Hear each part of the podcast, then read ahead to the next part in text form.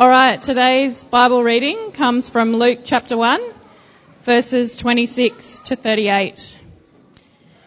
In the sixth month, God sent an angel to Gabriel, the angel Gabriel to Nazareth, a town in Galilee, to, the, to a virgin pledged, pledged to be married to a man named Joseph, a descendant of David. The virgin's name was Mary. The angel went to her and said, Greetings, you who are highly favored. The Lord is with you. Mary was confused by the angel's words and wondered what that meant. Then the angel told Mary, Don't be afraid. God is pleased with you, and you will have a son. His name will be Jesus. He will be great and will be called King as he as his ancestor David was. He will rule the people of Israel forever, and his kingdom will never end. How will this be? Mary asked the angel, since I am a virgin. The angel answered, The Holy Spirit will come upon you, and the power of the Most High will overshadow you. So the Holy One to be born will be called the Son of God.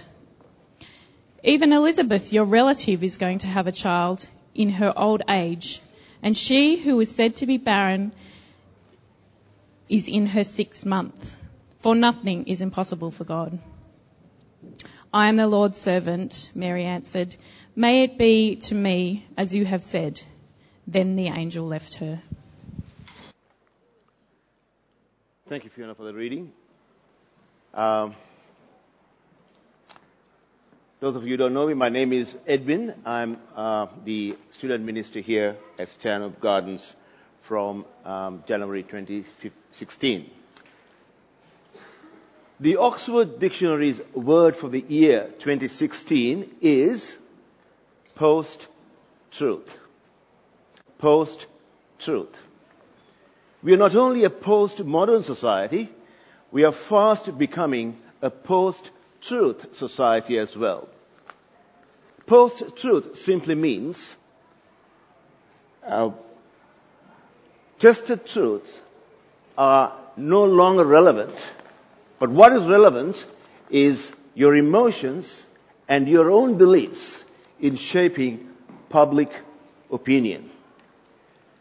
Early in the year, the British Guardian had a beautiful article explaining this concept very succinctly. And it says, for 500 years after Gutenberg, the dominant form of information was the printed page. Knowledge was delivered in a fixed format, encouraging readers to believe in settled truths. Now we are caught in a series of confusing battles between truth and falsehood, fact and rumor, kindness and cruelty, between an informed public and a misguided mob because the diminishing status of truth.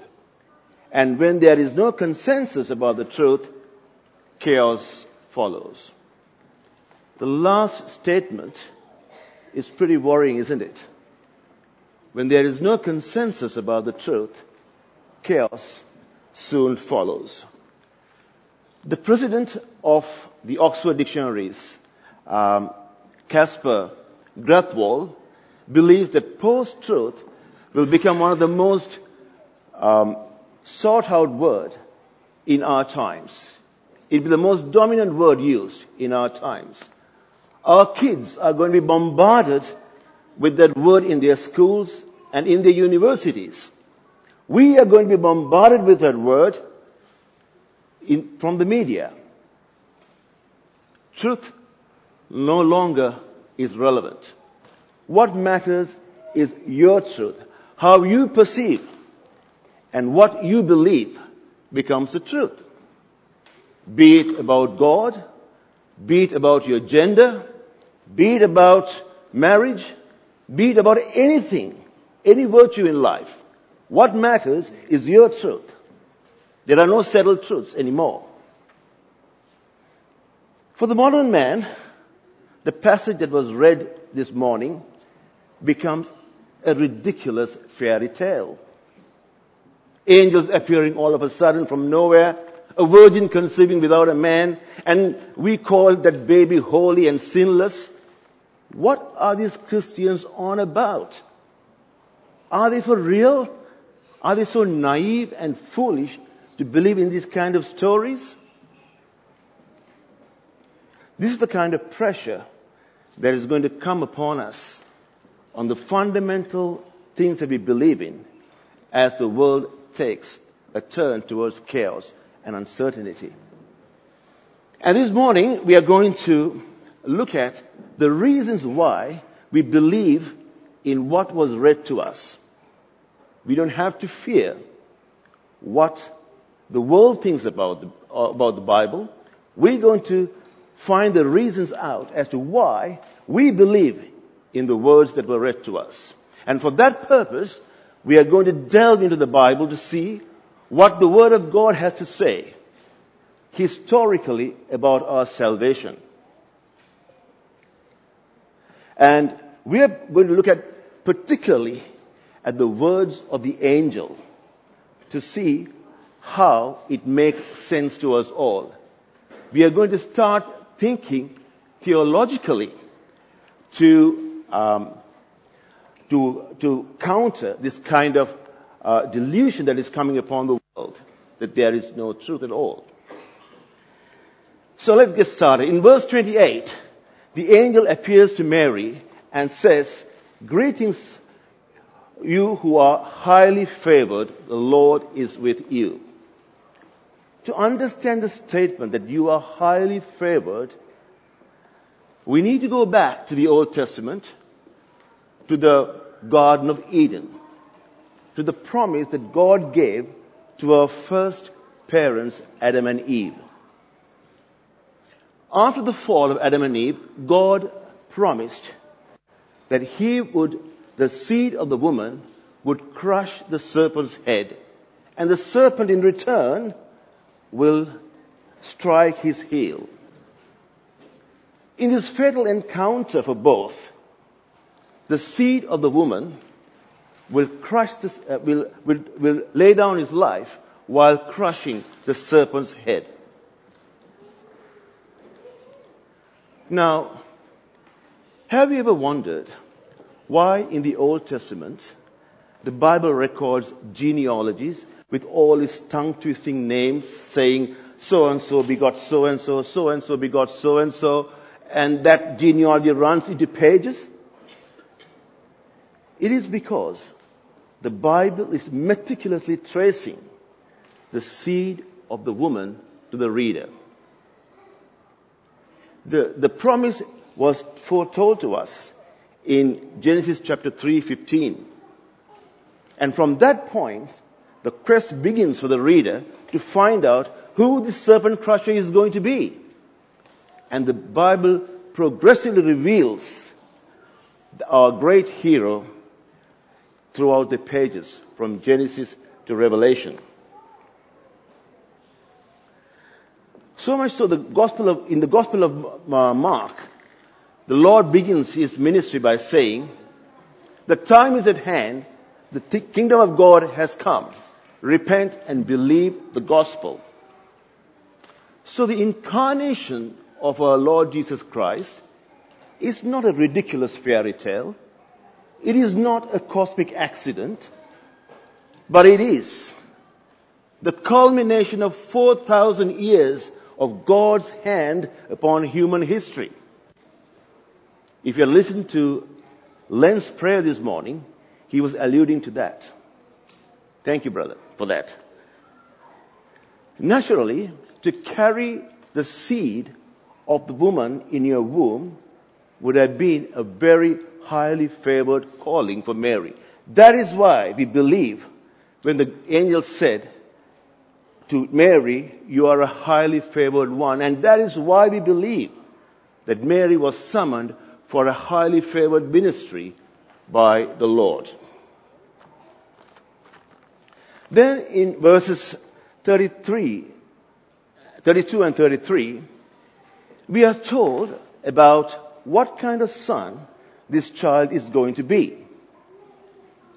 This son is going to be the son of God as well as the son of David.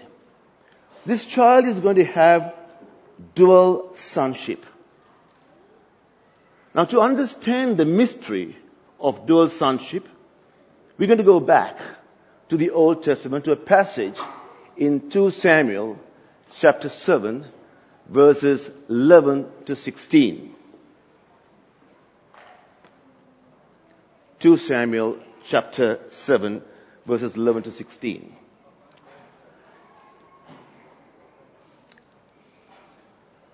Yeah, okay, fine.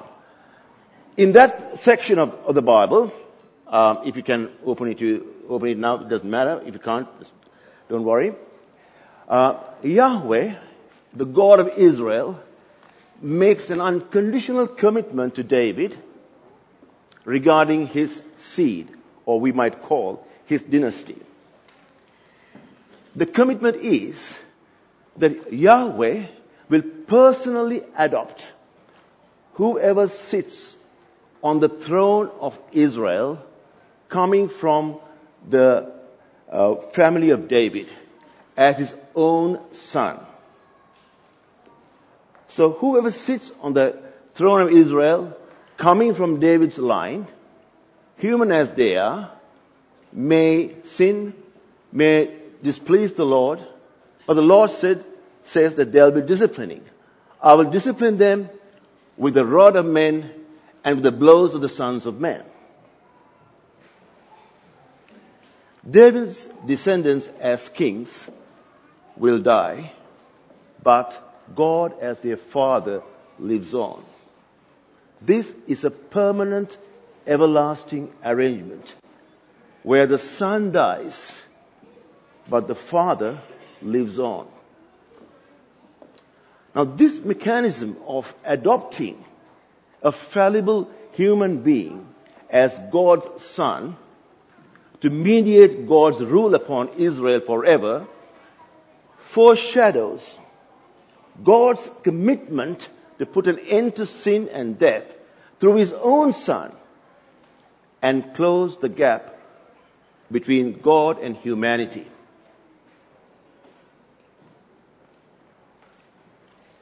However, we don't get to that state till we get to Jesus Christ. We all know that Jesus Christ came to this world as the King of the Jews. The Magi came looking for the King of the Jews. In his trial before Pilate, he was asked the pointed question, are you the King of the Jews? To which he replied, yes, it is as you say. And while he was hanging on the cross, bleeding and suffering for our behalf, they hoisted a, a, a sign saying, King of the Jews. That is why the angel says that God will give him the throne of his father David. And what a throne that was. It appears to be a throne of suffering and, and, and, and death. But, there's a big but here. He rose again from the dead as the king of the universe. And as a consequence, he now adopts people from every nation, every tribe, every culture, and every tongue as his sons and daughters to mediate God's rule upon, the, upon all the earth. Jesus as the Son of God and the Son of David has finally dealt with the problem of sin and death and ushered in the kingdom of God for us. That is why the angel declares that he will rule over the house of Jacob forever, and of his kingdom there will be no end. Because we as God's adopted sons and daughters will reign with Christ forever in this world. That is why, that is where the whole thing is heading towards for the church. To, a, uh, to, for us to reign with Christ forever. And for the world, it is heading towards another direction, as we saw in the British Guardian except They're heading towards confusion. and chaos, and finally, God's judgment upon them. That is why we believe in the words of the, of the angel when it says, He will reign over the, Jacob's descendants forever, and his kingdom will have no end. Thirdly, we are going to look at verse 35, where the angel says, um, the, the Holy Spirit will come upon you, and the power of the Most High will overshadow you. So the Holy One to be born will be called the Son of God. Jesus is defined as the Holy One of God, Holy Son of God. Holiness means sinlessness. There is no shadow of sin in Jesus. A lot of people have difficulty in understanding the holiness or the sinlessness of Jesus. Jesus being 100% God and 100% human, people are baffled by his sinlessness. A friend of mine who is a minister of the word uh, believes that the Bible purposely avoided recording the life of Jesus between the ages of 12 and 30 because Jesus played the fool like any other young man would. They advance arguments such as, don't tell me that Jesus didn't steal a cookie from Mary's cookie jar while he was growing up.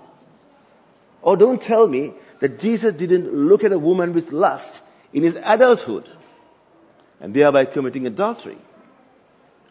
They advance these kinds of arguments to undermine the holiness of Christ and to undermine his work on the cross and our atonement for our sins.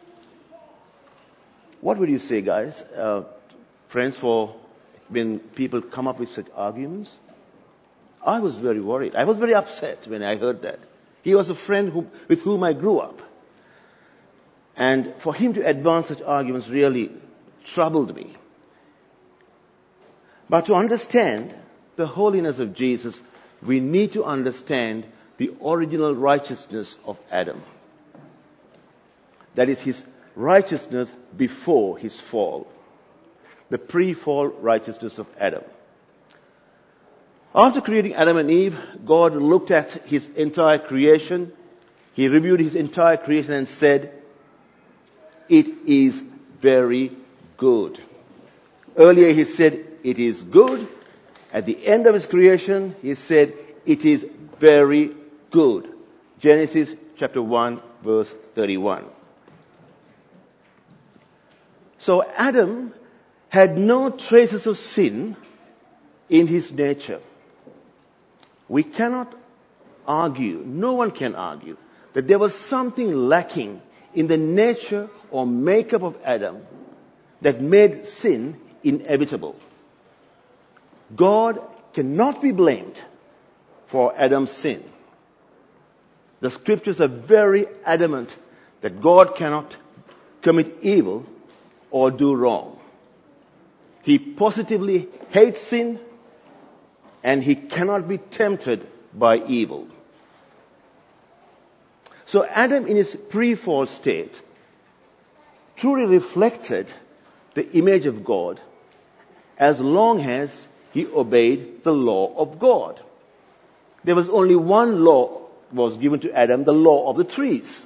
As long as he obeyed the law of the trees, he perfectly reflected the image of God. He had the capacity to say no to sin. And we must, from the outset, resist the temptation of implicating God with the origin of human sin. Death and sin were not part of God's design for Adam. And no one can accuse God of being the author of sin. Therefore, the pre-fall righteousness of Adam far exceeds our righteousness as fallen human beings.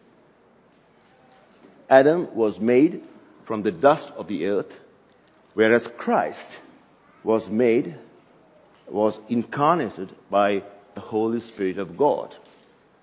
If the pre-fall righteousness of Adam far exceeds our righteousness, how much more will the righteousness of Jesus exceed the righteousness of pre-fall Adam?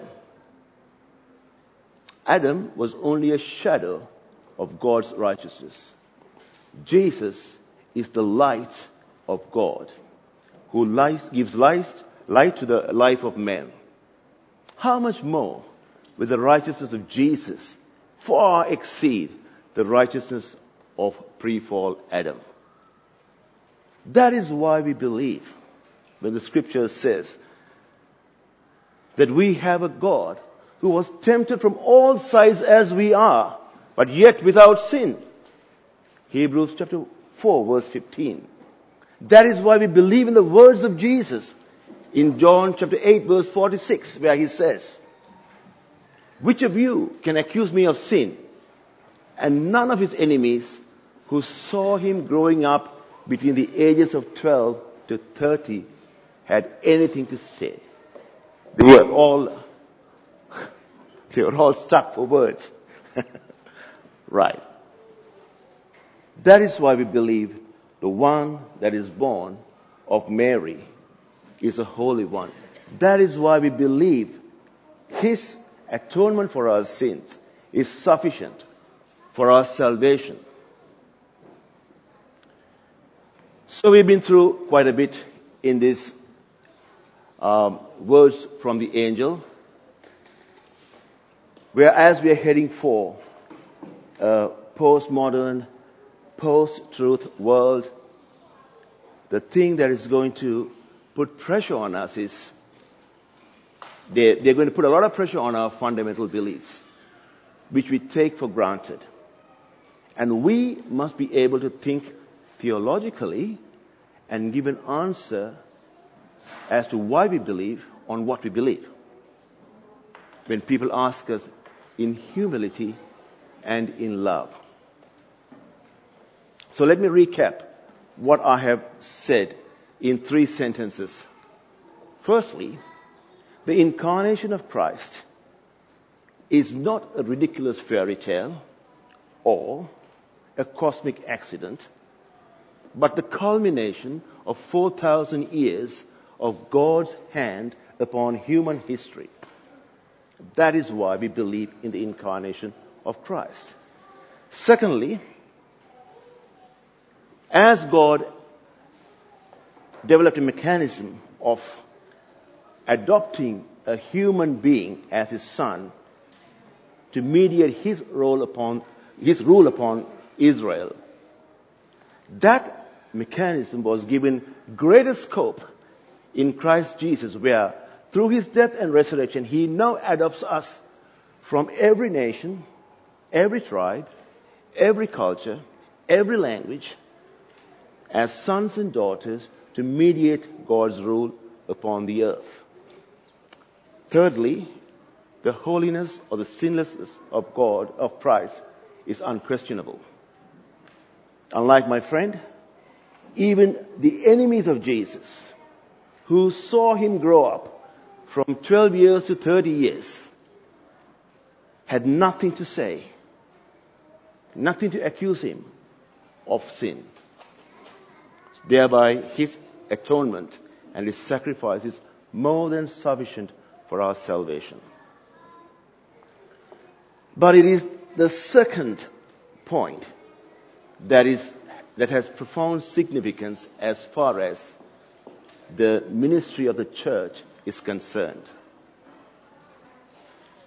Here in Stanhope Gardens, if you look around us, God has adopted sons and daughters for Him from various nations various cultures, various tribes, and various languages to mediate his rule upon the earth. And that puts, gives us a great responsibility to mediate God's rule in our society. If you look around, there are hundreds of thousands of people who are walking towards a lost eternity. And what, how do we mediate God's rule to them? We can only mediate God's rule to them by proclaiming the gospel boldly and clearly. We can only mediate the gospel to our society by giving them answers in a humble and gentle way. And this Christmas, it is my earnest hope that God will put an earnest desire in our hearts, earnest desire in our hearts to mediate His gospel, that we will walk out, as Steve said, and invite families in our society, in our community, to come to our Christmas services.